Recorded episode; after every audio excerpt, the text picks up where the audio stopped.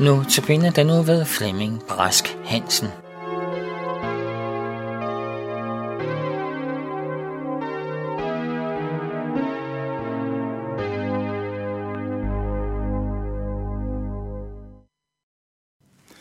Vi skal bede sammen.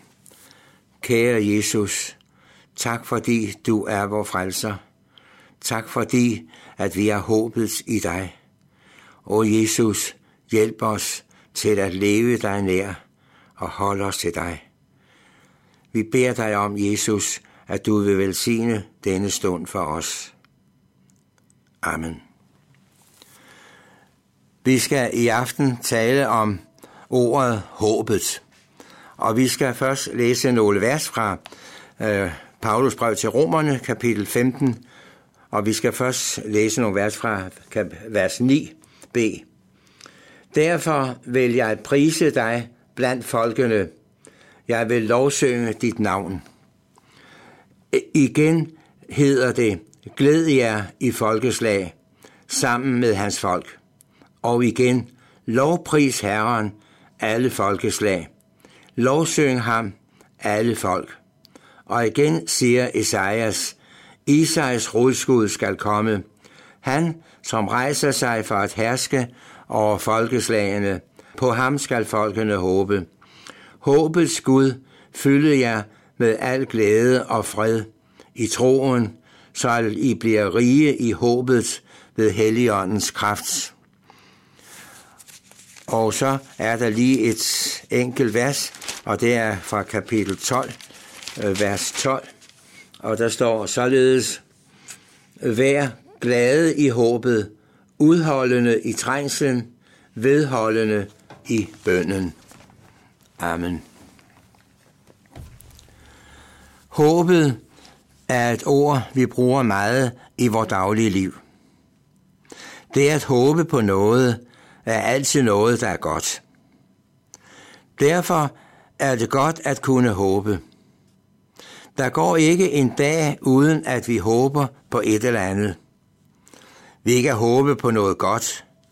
Vi kan håbe på en god ferie. Vi kan håbe på at få en god karakter, når vi skal til eksamen. Og senere kan vi håbe på at få et godt arbejde. Og så videre, og så videre. Ordet håb læser vi også ofte i vores Bibel. Det er såvel i det gamle testamente som i det nye testamente. Der står, vær glade i håbet, netop som vi læste ved indledningen. Men øh, her mener apostlen de troendes forventning om den kommende herlighed. Når vi ser på troen, omfatter den Guds nærværende nåde. Men håbet ser frem til den herlighed, som Gud engang skal åbenbare for os. Og det er jo netop det, Paulus siger til os i ordene. Vær glade i håbet, udholdende i trængslen, vedholdende i bønden. Altså vær glade i håbet. Og det er i hvert fald ikke noget ringe og ubetydeligt, vi skal glæde os til.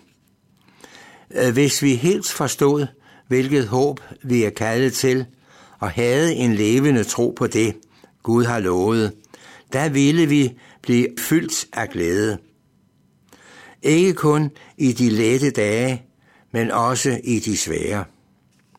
For glæden i håbet er af langt større betydning og velsignelse, end vi ofte tænker. Øh, den giver ligefrem ny kraft i vores kristendom. Og den kristne glæde er en glæde i håbet. Naturligvis er der også en glæde, som vi erfarer her og nu. Men vi ved og tror på, at glæden bliver langt større og herligere hjemme i himlen.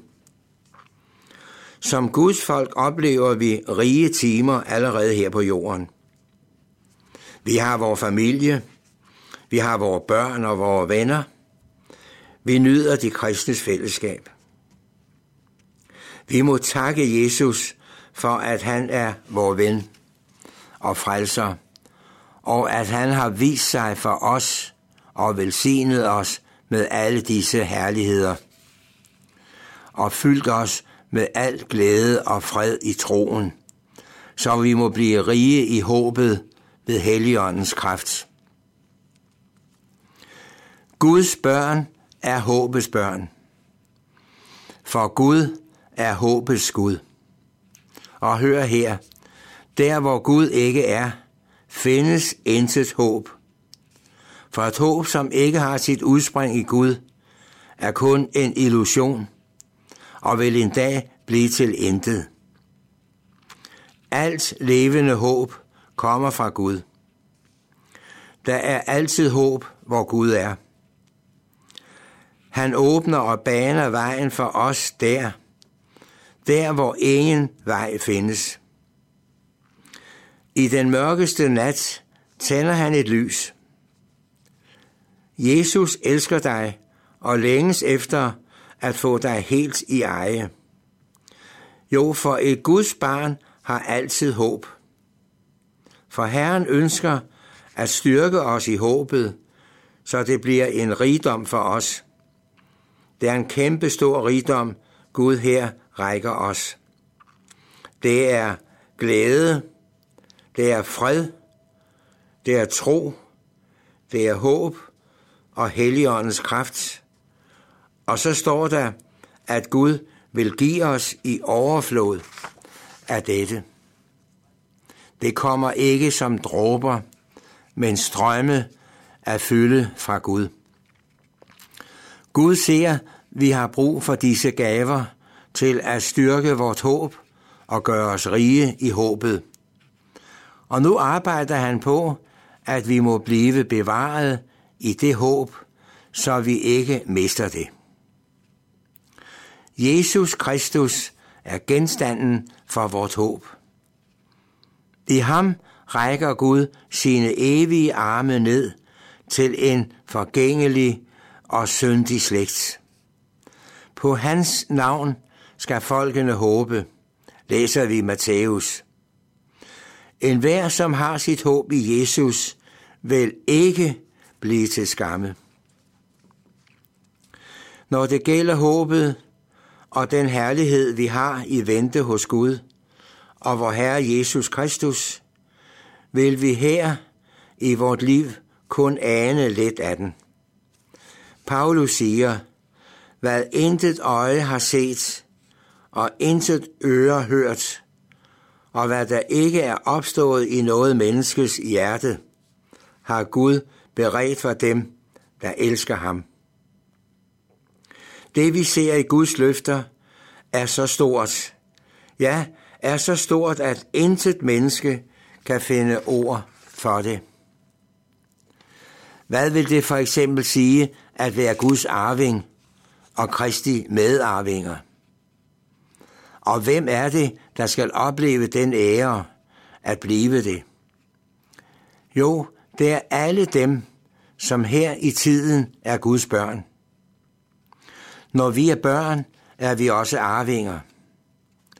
Tænk et privilegium at være Guds arvinger. Dette håb gælder altså enhver, som Guds ord og ånd har vækket, og som har fundet deres frelse i Kristus alene og stadig holder fast i Jesus. Vi kan ikke undvære ham, hans nåde og hans venskab. I hans forsoning har vi alt, hvad sjælen trænger til for at leve. Jesus siger selv, den som æder mit kød og drikker mit blod, har evigt liv, og jeg skal oprejse ham på den yderste dag. Johannes 6:54. Sådan siger Jesus det til os fattige sjæle, som har vor eneste trøst i Jesu forsoning, at vi skal være Jesu medarvinger til Guds rige. Vort håb om salighed og frelse er helt urokkeligt i det Jesus selv har sagt, Fader, jeg vil, at hvor jeg er, skal også de, som du har givet mig være hos mig, så de må skue min herlighed, som du har givet mig. Det står i Johannes 17:24, og jeg vil lige gentage det. Fader, jeg vil, at hvor jeg er, skal også de, som du har givet mig, være hos mig, så de må skue min herlighed, som du har givet mig. Vi har noget at se frem til. Derfor, kære lytter, vær glade i håbet. Amen. Gud, dig alene være pris og ære gennem Jesus Kristus. Ja, for alt du har os givet med din søn, den største gave. Lov og pris vi dig frembærer. Amen. Halleluja. Amen.